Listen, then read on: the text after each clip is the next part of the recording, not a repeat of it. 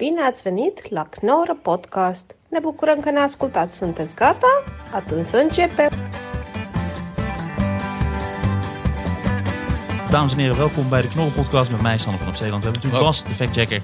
Maar hebben we eigenlijk niet meer nodig, want we hebben een fantastische gast. Wat leuk dat je er bent. Arjan Postma. Hoi. Ja, Nou, hartstikke leuk om erbij te zijn. van alle markten. Ja, je kan dat ding eh Ja, ik zal eens even mee doen wat je wil. weten. Je kunt hem aantrekken, je kunt hem naar je toe halen. Lachen. Ja. Het is al gelijk al leuk. gelijk al. ja. Hey, deze aflevering worden gesponsord door Glenn Fiddich. Ben jij een eh whiskyman? Oh ja, zeker. Oh, echt? Ja hoor. Ik, eh, ik mag zelf eh, zelfs wel eens, eh, soms wel eens zelf eh, wat, zwaar, wat sterke drank stoken. Je bent Dus gewoon eigenlijk zo'n moonshine. Ja, Ah, ja. en hoe heet het? Hoe heet het? Gewoon op, op dit moment. En wat, wat, wat maak je? Je maakt gewoon je eigen whisky. nou, ehm, er is nou een heel handig apparaatje waardoor het allemaal heel simpel is.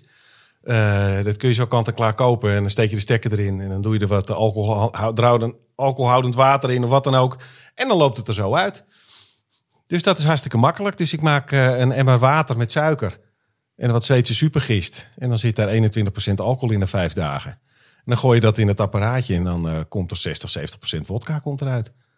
Wauw. En dat gooi je dan weer eh, bijvoorbeeld op fruit of op... Zullen we gewoon stoppen met de podcast en dat nu gaan doen? Nou, het is heel, de- die apparaten zijn heel klein. En dat is helemaal, er zit helemaal niks, je hoeft zelf niks meer te doen. Er zit soms een knopje aan zodat je eraan kan draaien, zodat je nog lijkt alsof er Ja. wat te doen is. Het is een mannenhobby, hè? daar moet je dan naast zitten. Maar eh, het is hartstikke grappig om te doen. Ik heb wel eens een keer een avondje, dan had ik eh, nog twee jongens die hadden ook zo'n ding. En toen hebben we een eh, avond alcoholisch gegourmet.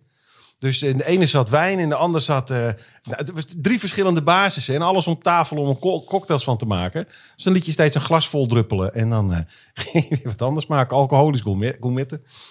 Het was erg gezellig. Geweldig. Dus ja, ik lust wel. Ik ben wel een whisky. ja, ja, ja. Ik dacht, ik, ik tast het even af, maar dit is gewoon, je maakt het zelf. Maar Zweeds supergist, zei je dat nou? Ja, dus je kan eh, wijngist gebruiken, maar dat duurt best. eh, dan moet je het een paar weken laten staan. Eh, maar als je het gewoon met suiker doet en het gaat alleen om de alcohol, dus dan hebben ze gist die gaat heel snel. Dan is die in vijf dagen klaar. En dan zit er 21% of 20% alcohol in. Maar en dat noemen ze ook echt Zweeds supergist. Ja, zo staat het eigenlijk wel bekend, ja, dat het extra snel is. En vind je nu alweer heel interessant? Ja, dit is wat wij heel erg eh, missen. Nee, Ja. zeker. Maar we, moeten, we moeten jou even, even neerzetten. Want j- jullie kennen elkaar heel goed. Ja, Jullie zijn- natuurlijk. Een vriend. En, en, en, en ik heb natuurlijk eh, jou een beetje gegoogeld. Maar je bent, je bent een, nou, ja, jij weet beter. Echt de natuurexpert van Nederland. Mag, mag ik dat zeggen? Nou, voor mij mag alles, eh, maar ik doe mijn best. Je, je hebt eh, ook boeken geschreven. Ik heb het even gegoogeld. Eh, buiten. Ja, Buiten met de hond. ja. Buiten gebeurt het. Ja. En het laatste boek is Hoe een mier de wereld kan Hoe veranderen. één gekke mier de wereld kan veranderen, ja. Dus dat, die hele serie, ik dacht buiten, buiten met de mieren. Maar dat is niet... Nee, nee, dat was een beetje nu- moeilijk. Als ik nou nog eens een keer in het buitenland een televisieprogramma mag maken, dan maak ik nog een boek eh, buitenland. Dan gaat de buitenserie nog even door. Maar dit boek moest, eh, Oké. dit moest er echt even, echt even uit. Want ja. buiten had je wel echt gecoverd na drie boeken. Nou, er is altijd meer. Maar dit boek moest ik echt, die was ik eigenlijk al acht, negen jaar in mijn hoofd mee bezig. Ja, ja. Dus die moest ik echt even maken. En eh, ja, ik ben er wel eh, mee in mijn sas. Want ehm, in maart komt die, gaat die, eh, komt die uit in Duitsland. Heel mooi. En dat is de, De, eh, hoe één gekke mier de wereld kan veranderen.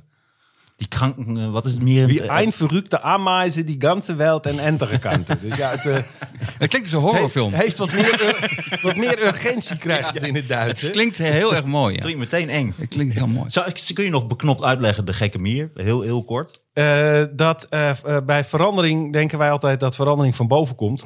Maar bij mieren zien we dat verandering van onderen komt. En dat begint er bij één. En dat kun je vooral zien hoe eh, rode bosmieren besluiten om zo'n eh, kolonie met 2 miljoen mieren te verplaatsen. Dat gaat dus eh, van onderaf. Heel beknopt dus, dus ik kan hem ook wel even vertellen. Maar dit is, dit is eigenlijk wat het... Want er is één mier gaat dan erop uit.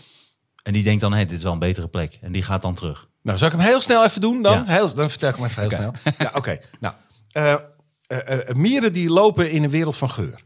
Overal waar ze andere mieren, waar ze lopen, ruiken ze andere mieren. En ze blijven altijd op die geur weg. Als jij met je vinger in eh, de achtertuin heb je, heb je zo'n zo'n mierenpaadje en strek je er met je vinger overheen, dan breekt die geur weg door midden. En dan durven die mieren niet meer over dat geurravijn heen. Dan ontstaat er verkeersopstopping. En eh, dat hele volk ligt daar even stil. Dan wachten ze op een mier die zich een klein beetje anders gedraagt. En ik noem dat een gekke mier. En dat is een hoogstandje van biologen geweest. Dat je in zo'n krioelende massa... een mier die er precies hetzelfde uitziet als de rest... maar zich net iets anders gedraagt. Ja. Zit minder dan 1% van in in zo'n kolonie. En dat zijn mieren die gaan waar ze geen andere mieren ruiken. Die zijn ook niet zo druk aan het werk. Die hebben de hele tijd eh, gekke ideeën. En als zo'n gekke mier eraan komt, die loopt over dat geurweggetje heen. Dat, dat ravijn, het is weer gemaakt, want hij trekt zijn geur erachterheen. Alle mieren kunnen weer aan het werk. Ehm, en hij zorgt ook voor grote verandering. Eh, wij kijken altijd naar boven voor verandering. Hè? Als je in de wieg ligt, dan kijk je naar je vader en je moeder. Als je naar de, eh, eh, de... Op school heb je de meester en de juf. Dan je baas, je chef, de regering. Soms zit er iemand boven de wolken die de verandering blijkbaar aanstuurt. Soms. Best wel vaak. Is altijd en overal. Maar voor mieren is dat heel anders, want daar werkt het dus van onderop. En Ja. mieren zijn enorme grote eh, sociale systemen en we zien niet dat daar een bepaalde leider is. Dat kunnen we niet zien. Ehm, als je zo'n nest rode bosmieren hebt, zo'n stapel dennennaalden in het bos, daar, eh, dat is een soort Rotterdam. Er zitten 1 à 2 miljoen mieren wonen erin. En dat gaat helemaal vanzelf. Veel relletjes. alles, geen weinig relletjes, want alle mieren, de meeste mieren zijn werkmieren. En ik stel me voor, die hebben een opschrijfboekje. En daar staat in, je moet aan het werk, je moet, eh, eh, mag naar de supermarkt. En op, eh, in het weekend mag je naar het voetballen. En daar gaan ze fantastisch mee aan de gang en dat gaat helemaal vanzelf. En in het hart van het nest zit het broednest. Daar zitten de koninginnen, die leggen de eitjes. En door middel van ventilatie, dus zonder machines, door middel van ventilatie... houden ze de temperatuur in dat nest op 1 tiende graad nauwkeurig op de ideale temperatuur. En dat doen ze omdat die hoop die staat soms in de zon en soms in de schaduw. En door aan de schaduwkant wat open te maken of aan de zonkant wat open te maken, kunnen ze dat precies reguleren. Maar na een paar jaar, dan groeien vaak er struiken omheen of er valt een boom om. In ieder geval, er is wat veranderd. Opeens staat dat ding bijvoorbeeld helemaal in de schaduw. En dan kunnen ze het niet meer reguleren. En het wordt wat kouder in dat nest. Er worden minder jongen geboren. Eh, het wordt er wat vochtiger. Kortom, dat hele volk begint te krimpen. Maar ja, de meeste mieren die hebben een opschrijfboekje. En er staat gewoon in, je moet aan het werk. Mag naar de supermarkt en in het weekend mag je naar het voetballen. En die zijn dik tevreden. Maar dan komt die gekke mier en die gaat een stukje lopen. En die komt opeens een meter of tien verderop. En die staat opeens op het ideale plekje. Beetje zon, beetje schaduw. En hij denkt, wauw, hier moeten we naartoe. Maar hoe kan hij nou die 2 miljoen mieren overtuigen dat dat het plekje is om daar naartoe te gaan? Nou, hij begint gewoon. Hij heeft geen social media, hij heeft geen podcast. Hij gaat gewoon eh, hands-on aan de gang. Dus hij loopt terug naar dat nest. Hij grijpt de eerste de beste mier bij zijn lurven. Tilt die boven zijn hoofd. Neemt hij al tegenstribbelend mee naar de plek waar hij vindt dat hij naartoe moet. Zet hem daar neer. Maar ja, dikke kans dat het een, eh, een werkmier is. En die kan niet zo goed communiceren met die gekke mier. Dus die pakt zijn opschrijfboekje. Hij zegt, kijk, dit moet ik doen. Hij wijst op zijn voorhoofd en rent weer terug naar het nest. Maar ja, die gekke Geurspoor. Geurspoor is al een beetje gelegd. Maar die gekke mier, die geeft niet op. Die gaat nog een mier halen en nog een mier halen en nog een mier halen. Hij zoekt een mier die zich ook een klein beetje anders gedraagt dan alle andere mieren. En ik noem dat trendsettermieren. En daar is ongeveer een 8% van in het nest. En als hij zo'n mier te pakken heeft, die heeft hij echt nodig. Want die gaat het plan echt werkelijkheid maken. Want na een tijdje zijn gekke mieren weer bezig met een volgend gek idee. Ja. Die zwerven weer weg. Maar die trendsetter die zegt, dat is een goed idee, je hebt gelijk. En die rent terug en hij grijpt meteen zijn mede-trendsetters als eerste. Want dat doen trendsetters, hè? ook in de mode, die pakt hij er als eerste uit. Want die voelen wel aan wat dat ook eenzelfde soort is. Die herkenden ook datzelfde idee, dit is een goed idee. Dus dan heb je twee mieren die mieren halen en dan vier en dan tien en dan duizend. En dat gaat soms wel een paar dagen gaat dat door. Dat die mieren heen en weer gesleept worden. Ik noem dat een soort mierendemocratie. En blijkbaar is er opeens een soort omslagpunt. En dan staan al die mieren stil. En ik stel me voor dat al die werkmieren dan zeggen... oh, en dat ze het opschrijfboekje pakken... en dat ze erop schrijven nest verplaatsen. En dan lopen ze allemaal weer terug naar dat nest... en dat pakken ze naaldje voor naaldje op. En een anderhalve dag later staat dat een aantal meter verderop... en zijn ze voor de komende tien jaar staan ze weer veilig. En dat is hoe verandering echt werkt. Of het nou gaat om een bedrijf of een land of een regering... Directies, regeringen, die hebben geen enkel idee. Maar dat wil ik net vragen, want je legt heel vaak eh, link eh, tussen het gedrag van dieren en het gedrag van mensen. Ja. Maar bijvoorbeeld, is, is dat inderdaad, ik wou net vragen, dat werkt dan bij mensen toch ook zo? Dat bijvoorbeeld iedereen denkt dat de aarde plat is. Er is één gek die denkt, nou ja, het is misschien rond. En dan gaat hij wat mensen voor zich winnen. Is dat, is dat het idee? Ideeën blijven vaak veel langer overeind dan, eh, dan mensen zelf. Dan eh, bedrijven, maar ook soms dan hele beschavingen blijven ideeën vaak maar rondhangen. En ook in een bedrijf of in een, in een land, dan soms stuitert zo'n idee al ik weet niet hoe lang in de rond. Eh, degene die het bedacht heeft, is vaak al vertrokken. En opeens komt dat idee op het juiste bureau te liggen. En opeens wordt het dan werkelijkheid. En ik vertel altijd dat directies en regeringen, die hebben zelf geen enkel idee. En dat moet ook niet. Want zij moeten over die ideeën beslissen. Die ideeën komen van onderaf, moeten ze dat aangereikt worden. En zij moeten erover beslissen. Als zij ook die ideeën bedenken, dan heb je een dictatuur. Dat werkt niet. Het gaat zelfs zover dat als directies geen ideeën krijgen uit het bedrijf, dan gaan ze bedrijfjes inhuren die voor hun ideeën bedenken waar zij dan over kunnen gaan, eh, Ja. gaan beslissen. Dus als jij nou zelf een idee hebt waarvan je denkt, nou, wie ben ik nou? Ik ben maar zo nietig als een mier, dus ik kan eigenlijk helemaal niks betekenen in dit wereldwijde probleem. Ja. Dan moet je zo niet denken. Je moet denken als een mier. En dan moet je gewoon een mier gaan halen. En als die mier ook een mier gaat halen, dan verander je de wereld. En dat zie je bij biologisch eten, zie je dat. Er zijn heel veel van dat soort bewegingen, van dat soort veranderingen. Die hou je eigenlijk niet tegen. Die beginnen na een tijdje. Toen de eerste wormstekkige appeltjes bij een een of ander eco-winkeltje lagen, dacht iedereen ook van, nou, dit zijn gekken, die, dit is alleen voor idiote hippies, dit is toch geen eten. En tegenwoordig ligt het in iedere Maar supermarkt. is bijvoorbeeld Greta Thunberg, is dat, is dat een gek? Nou, nou, een gekke mier. Een goede Als- gek, ja. Ah, Nou, als, als je zegt een gekke mier en een gek is afwijkend van de norm.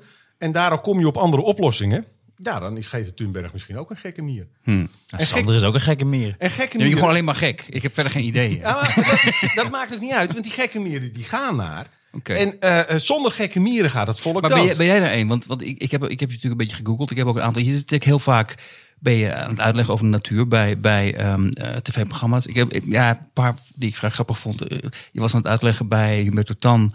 Dat me- je mag geen eentjes voeren. Dat mag, En wat was je aan het uitleggen? Wat ik zo persoonlijk heel grappig vond, was dat er allemaal BN'ers bij zaten. Ik geloof een paar actrices, ik weet niet meer. Maar die waren heel erg pissed off. Die waren echt zo, ja. ja. ik mag er wel ik mag er maar eentje eentjes voeren.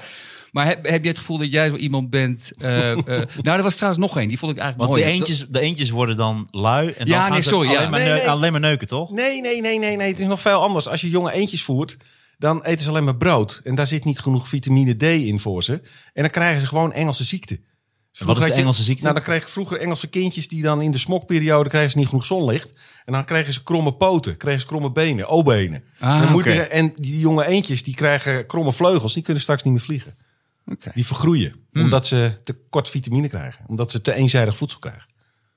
Want dan willen ze gewoon niks anders meer dan gewoon Want dan is het makkelijke makkelijker om dan het brood, want dan komt iedere vijf Ja, ja, minuten ja. komt er weer een gezellig oma met een zak brood. vol Maar hoe brood. zit dan, waarom zeg ik dan dat ze dan zich gaan vervelen en dan de hele tijd elkaar kapot neuken? Ja, maar dat is aan het eind van het jaar en dan heb je het over pubers. Dus dat is weer een ander soort, andere groep van de ene populatie. Dus, eh Oh, dus, groot- dus, dus het grootste- voeren van eenden heeft op verschillende manieren... verschillende uitwerkingen, ja. Oh, Ja, dus als jij eh, de, de kinderen op de basisschool voert, dan krijg je een ander effect dan als je de, als je de hangjongeren op het Mercatorplein gaat lopen voeren. Oké. Klinkt heel logisch. Ja, als je het zo zegt, klinkt het, klinkt het heel logisch, ja. Maar ik zag je ook bij, bij Op 1 en dat vond ik eigenlijk het leukste. Ik weet, niet- ik weet niet hoe lang geleden het is, maar je zat daar met... eh, eh, eh, wacht even, ik heb de naam opgeschreven. Eh, Mariska Lond, kan dat? Ja? Ja, zij is van het pro-vuurwerk. eh. Oké.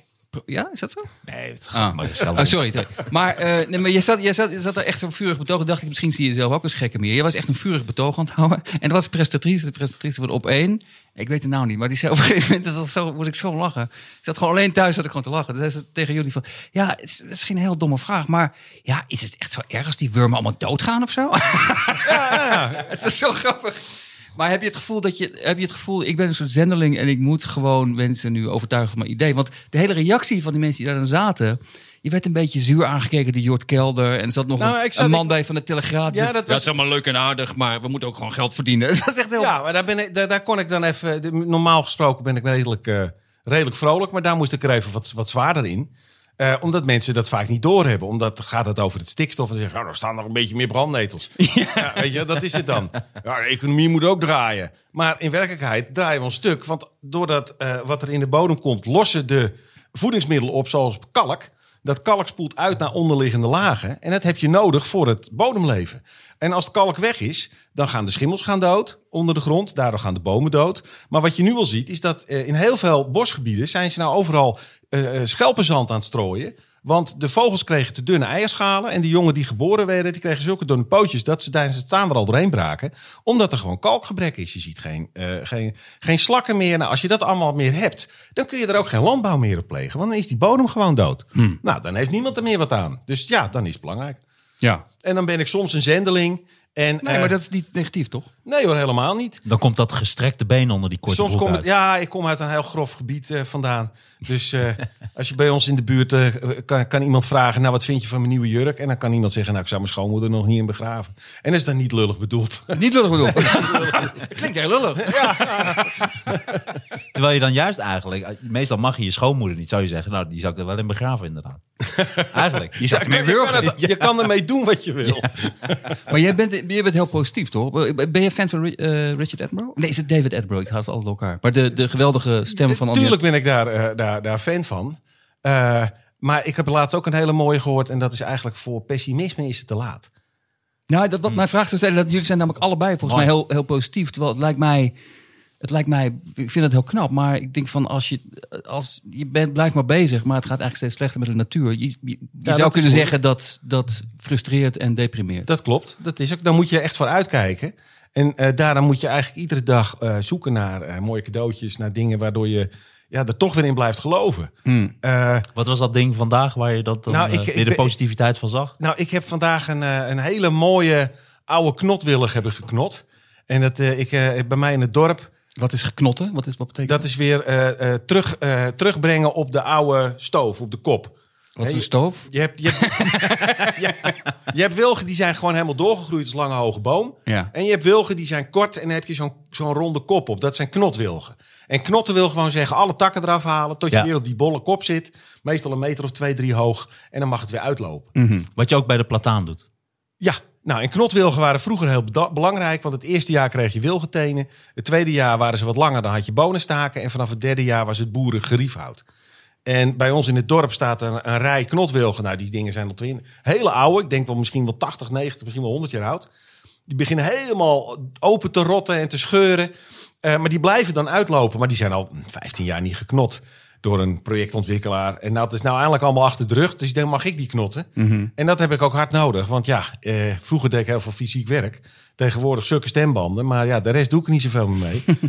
dus ik heb nou Hij ziet deze... er nog steeds afgetraind uit daar. Nou, nee hoor. Dus, de- fighter. dus nou ben ik eh, lekker, aan het, eh, lekker aan, het, eh, aan het zagen en aan het... eh, Lekker aan het knotten. lekker aan het knotten. Dus ik heb vandaag een hele mooie oude knotwillig. Die staat er klaar voor, want anders scheurt hij een keertje helemaal uit elkaar. Mooi. Want wat ik mooi vind ook, eh, jij zegt kijken naar het natuur is als kijken naar een sportwedstrijd. Hè? Pas als je weet waar je op moet letten, dan wordt het spannend. Ja. Toen dacht ik, kun jij ons, hè, wij zijn natuurlijk stadsmensen, wij komen eigenlijk niet buiten de stad, Sander en ik. Ja. Ehm, kun jij, waar wij als stadsmensen, waar kijken wij elke dag langs heen? Wat is nou typisch iets waar wij meer op zouden moeten letten hier in de Oh, stad? in, in deze tijd moet je een beetje opletten op die eh, eh, avondslaapplaatsen. Voor junks. Nee, voor vogels. Ah, Dat is echt eh, spectaculair. Eh, eh, bijvoorbeeld de halsbandpakieten. Hè, daar hebben heel Ja. veel mensen hekel nou, aan. als je daar je auto onder hebt staan, dan ben je wel redelijk de lul, ja. Want die schijten volgens mij een liter per vogel zo ongeveer. Nou ja, dat valt wel mee. En het zijn allemaal maar vru Je, weet eigenlijk alleen de scheid- en neukdetails van alle, van alle vogels.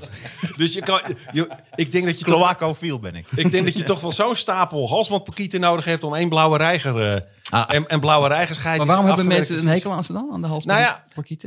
Omdat het is een, een, nieuwe, een, een nieuwkomer. Hè, dat, dat- dus het is een dier dat hier vroeger nooit zat. Dat is losgelaten in de jaren zestig. En eh, dan Want vinden... ze komen uit India, toch? Nee, een beetje uit het eh, Midden-Oosten. Ja, Pakistan, Hmm. India. Daar hebben mensen ze op de schouder. Vanaf de jaren 60 ontsnapt. En die zitten er overal. En dan is er een nieuw dier. En dan vinden we dat dat hoort hier niet. En dat is dan vervelend.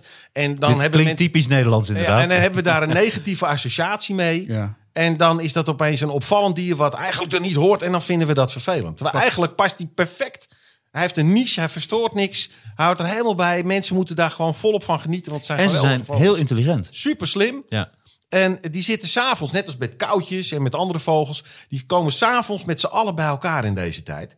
Soms wel een paar honderd van die vogels. En dan komen ze s'avonds met z'n allen in zo'n boom bij elkaar. Ja, dus ze integreren eigenlijk niet. Misschien is dat toch het probleem. Maar onderling hè, wel, want daar gebeurt al het Ja, ja. sociale gebeuren. En met koudjes hebben ze bijvoorbeeld, vliegen ze in de ronde. En hebben ze wel gemerkt dat die wel 25 verschillende sociale klasses hebben. En als we dan gaan vliegen, gaat het ene groepje roept Ajax en het andere groepje roept Feyenoord. Ja. En als je als kou omhoog wilt in de wereld, dan ga je bij de andere club vliegen. Dan ga je hun roep nadoen. En als ze dat accepteren, dan ben je een beetje gestegen in de maatschappij. Wauw, maar wat, wie staan dan bovenaan? Ja, er is, eh, als ze eh, in Ik een heb een kou gehad trouwens. als ze in een boom gaan zitten, dan kun je het zien. Maar in een hoogspanningsmast helemaal. Dus de laagste klasse die zit onderop. Oh, echt ook zo? Die zit het dichtst bij de bodem, want daar zitten de meeste roofdieren. Ja. En helemaal bovenin zit de top. En dat is meestal maar één of twee paar. En die zitten echt bovenop de, op de piramide.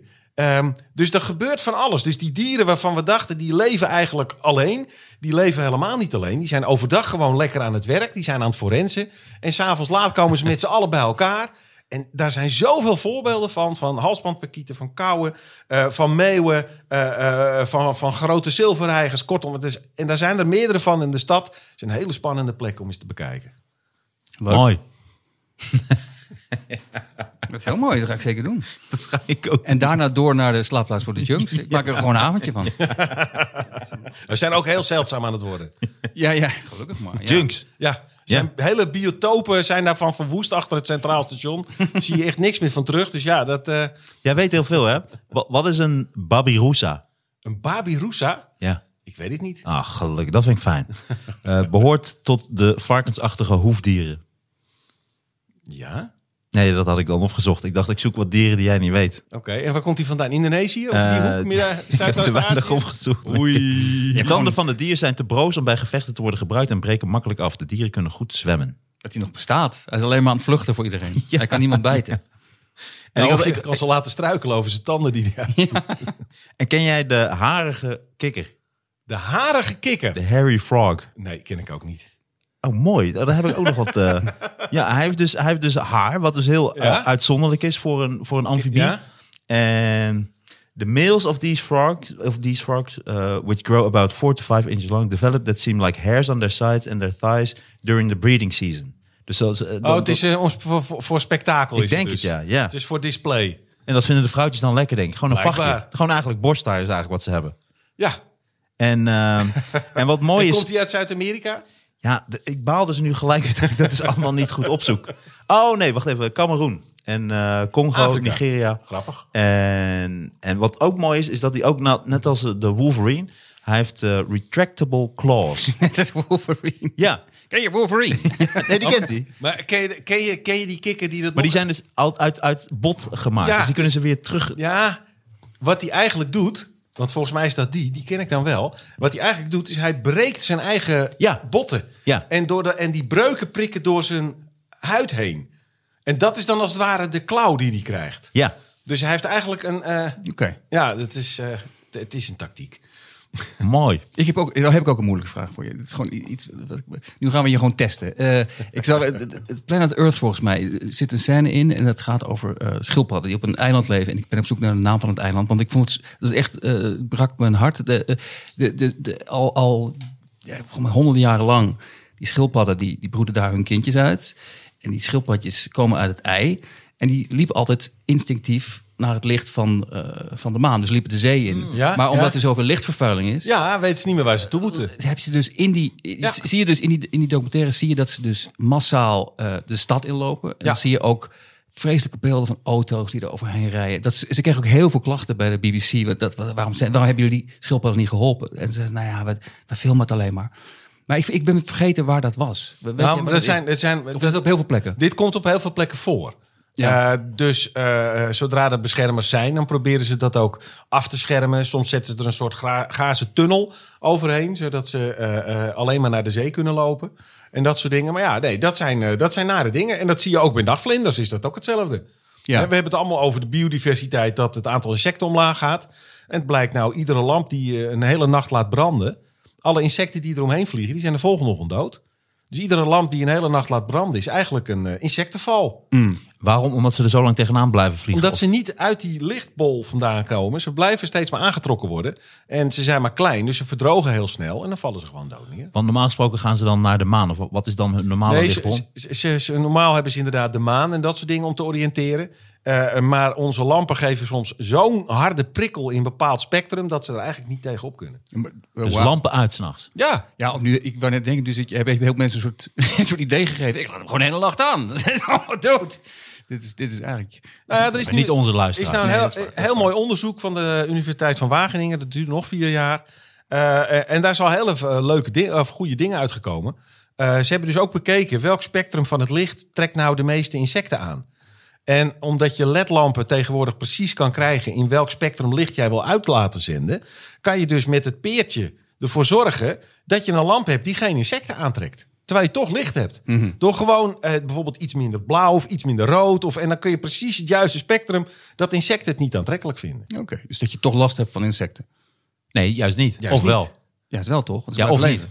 Nee, dat, dat ligt eraan welke kleur je dan neemt. En heb je er last van, dat is ook maar natuurlijk wat je er zelf van Dus er is dus een perfecte mix tussen een lamp die jou behaagt en die ook voor de insecten dat, Ja, dat kan dus wel. Maar dat, dat is een best een lange zoektocht. Maar is daar een bedrijf die daarop in is gegaan? Daar zijn ze mee bezig. Ah, tuurlijk. jammer. Ik zag een nieuw gat in de markt. Er zijn allemaal die wegenbouwers die, die krijgen allemaal opdrachten, maar die willen natuurlijk wel. Dus ik mocht daar ook wel eens een keer een. eh, laatst dus ook nog een lezing over gegeven met dat soort ideeën. Van hoe zou je dat nou anders kunnen maken? Hoe kun je zo'n zo'n weg als het ware milieuvriendelijker maken of natuurvriendelijker? Nou, zelfs door het licht aan te passen kan het al enorm schelen. Mooi. Wauw. Nou ja, kijk, eh, eh, tegenwoordig zijn er zo weinig bloemen in Nederland. Dat de plek waar die bloemen staan, dat is dus nu de berm van de weg. Hè, dat is het laatste stukje waar we echt helemaal geen bestemming voor hebben. Een beetje armoedig, maar Allah, laten we het daar dan maar op houden. Maar dan is het natuurlijk ook wel jammer als je daar s'nachts dan allemaal... ins- Dus ben je daar insecten aan het kweken en s'nachts vang je ze weg met je, met, je, met je lantaarnpalen die er langs staan. Ja. Maar is dat ook dan de reden dat het zo slecht gaat met de bij? Nou, de bij is, eh, dat, dat is een beetje een vaag woord. Want de bij is natuurlijk alle wilde bijensoorten bij elkaar. Eh, Ja, de, zo duid ik altijd graag de bij. de gewone bij, de De le- honingbij. echt zoiets wat een leek zou zeggen. Ja, de- de bij. Ja. Maar de honingbij, dat is natuurlijk gewoon een koe. Hè? De honingbij is gewoon een stuk vee. Wat wij houden en wat wij op een juiste plek zetten. En wat ook in de meeste natuurgebieden mag je tegenwoordig geen bijenkasten meer zetten. Omdat ze de honing eigenlijk opeten voor de wilde insecten.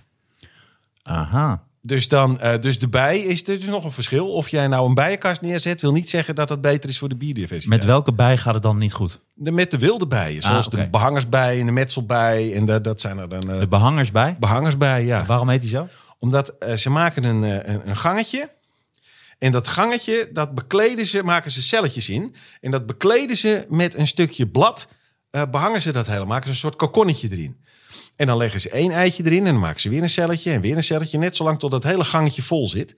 En als ze uitkomen is het wel heel grappig dat degene die het laatst gelegd is, komt als eerste uit. Want die zit aan het eind van het pijpje. En je hebt ook metselbijen, die doen hetzelfde. Komen die uit Polen? Dat is de vraag van onze luisteraars. De, de Poolse mensen bij. Maar zo heb je dus heel veel gekke soorten. En die leven eigenlijk allemaal individueel. Dat is het verschil. Honingbijen leven in een groot volk. En wilde bijtjes die leven eigenlijk allemaal individueel. Maar die zijn allemaal verschrikkelijk belangrijk. En daar gaat het dus niet goed mee. En daar gaat het niet goed mee. En eigenlijk gewoon met de insecten in het algemeen. En dat komt omdat er minder bloemen zijn. Dat, omdat er minder bloemen zijn. Omdat er heel veel eh, gif in de Nederlandse natuur aanwezig is. Omdat sommige plekken veel te droog zijn geworden. Eh, nou, een hele combinatie van factoren hebben die insecten het wel erg moeilijk gekregen. Ja. Maar als- bijen verdwijnen, heb ik wel eens gelezen, maar ik weet niet waarom. Dan hebben we echt een probleem, toch? Als die, eh, we hebben bestuivende eh, insecten nodig om de planten te bestuiven. Ja. Dus dat wordt wel heel ingewikkeld als we zelf alles met een kwastje moeten doen. Dat kan in een kast nog wel eens. Ja. Maar zelfs daar gebruiken ze liever nog insecten om dat te laten doen. Ehm, nou is het wel wat breder dan bijen. Want bijvoorbeeld, we zijn ook mensen hebben een hekel aan muggen. Eh, maar muggen leven eigenlijk allemaal van nectar. Alleen van, eh, er zijn iets van 750 soorten bijen, of eh, muggen in Nederland. Of in ieder geval honderden Waarvan de kutmug de, belang, de, de bekendste is. Er zijn maar zeven soorten muggen die prikken. Ja. En dan, zijn En het dan zijn het ook nog de vrouwtjes, En het toch? zijn het alleen de vrouwtjes en alleen als ze eieren moeten leggen. En al die andere muggen, die leven allemaal van nectar. Dus dat zijn eigenlijk de nachtbijen. Dus die bevruchten s'nachts heel veel. Dus al die insecten bij elkaar, die heb je gewoon nodig om al die planten weer bevrucht te krijgen. En om overal de zaadjes en het voedsel Maar, weer maar om vind jij dat, dat, dat kinderen in de, op school genoeg leren over de natuur? Want dit wat je nu allemaal vertelt, Ja. het kan dat ik het allemaal vergeten ben, hè? maar volgens mij heb ik dit soort dingen nooit gehad vroeger. Nee. Nooit. Nooit zo diepgaand ingaan op dingen. Maar heel erg. Nou, ik denk dat heel veel scholen heel graag zouden willen dat ze dat zouden kunnen doen. Maar daar hebben ze gewoon de tijd niet voor. Ja, dat... eh, in Maar dit is toch belangrijker om te leren dan, dan hoe het lichaam van een mens of van de vrouw. Want dat krijg je met biologie vroeger. En dan krijg je over turf. Dan krijg je tur- daar zat turf. En dan zat in Drenthe zat er vroeger allemaal turf. Dat is aardrijkskunde. dat is aardrijkskunde. Nee, ja. maar dat hadden ze ook soms met biologie. Hadden ze ook over turf. ja, je had gewoon een hele slechte biologie. Je was ontslagen als aardrijkskundeleraar. Dan ga- Ik blijf gewoon hetzelfde doen. Maar maakt niet uit. met turfbit. Nee, maar ze- Gewoon met turfbit weer. Maar ik bedoel, dit zijn toch interessante dingen om kinderen te vertellen. Hoeveel verschillende soorten muggen er zijn. En dat, dat, dat die ook belangrijk zijn. Tuurlijk, maar ja, ik ben niet degene die uit moet kiezen. Wat moeten ze nou wel leren en wat niet? Dat vind ik ook een hele ingewikkelde. En ik loop non-stop aan iedereen van alles te vertellen. En ik heb wel het idee dat ja, je, kan, eh, je kan het hele schooljaar wel vullen met alleen die biologie. Nee, maar dat, dat, dat vroeg eigenlijk af.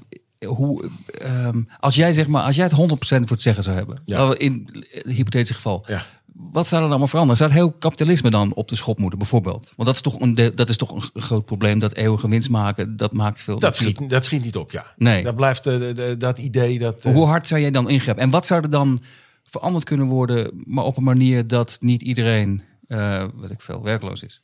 Dus een vrij brede vraag. dat is een hele is een vrij brede vraag. Je hebt er Dus, heel, eh, heel zitten. Stel, stel, Ja, nee, maar jij bent... Sorry, maar dan moet ik even bij Je bedoelt eigenlijk, stel Martijn dat heeft jij je de zo hoog neer, he- Ja, neergezet dat klopt. als iemand Stel- die alles weet. Dus Ja, oké. dus stel dat ik de baas ben, hoe los ik de problemen op de wereld dan eh, voor? hoe los je... Nou, nou, Nou, eh, nee, nee, de, Ik zou zeggen met de dreft. natuur. De natuur. We, we- we- Nou, we beperken tot de natuur. Nou, het, het, het, het beste is dat we... en ga, ga dat binnen we- vijf minuten. Het beste is dat we anders dat er een, een gedachteomslag moet komen.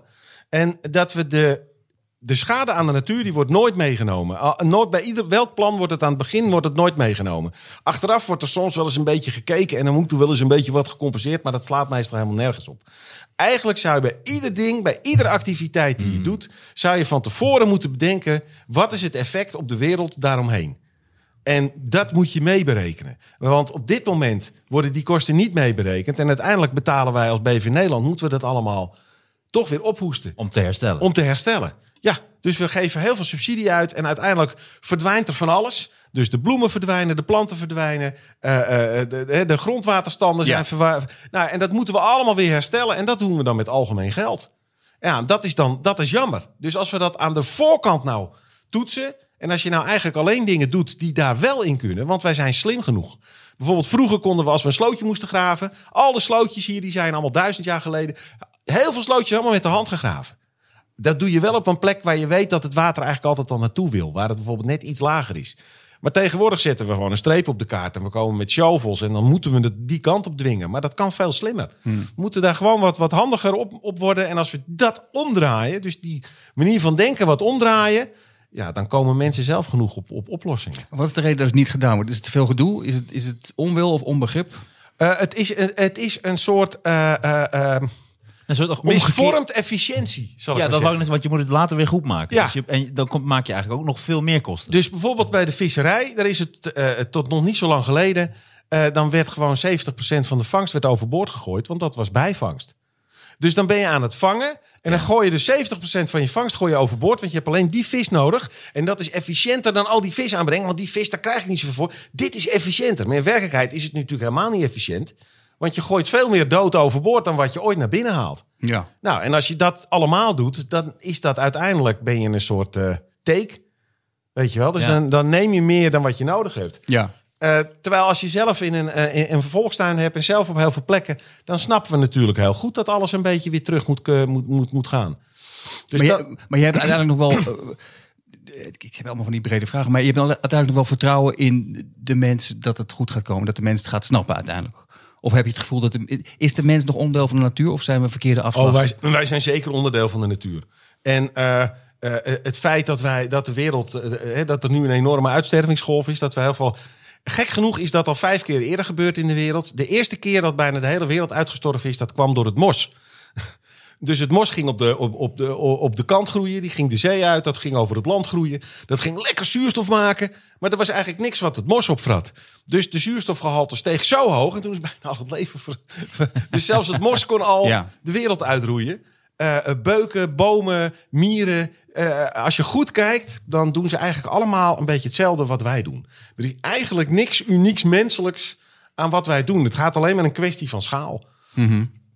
Maar, maar is, is corona is dat een wraak van de natuur? Corona. Corona? Wel nee. De Amsterdamse Wel nee. Hè? Nee, nee, nee, nee, nee, nee, nee. Dat is onzin. Ehm, het- het- epidemieën die eh, komen helaas al heel lang, heel vaak, heel veel voor. Ja. Eh, de, de, de pest is natuurlijk het bekendste voorbeeld, wat al heel lang eh, heeft ge... Maar er zijn zoveel gekke epidemieën geweest.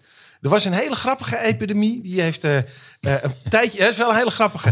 Die, die was in... ik dacht zo rond de Gouden Eeuw een beetje, die periode.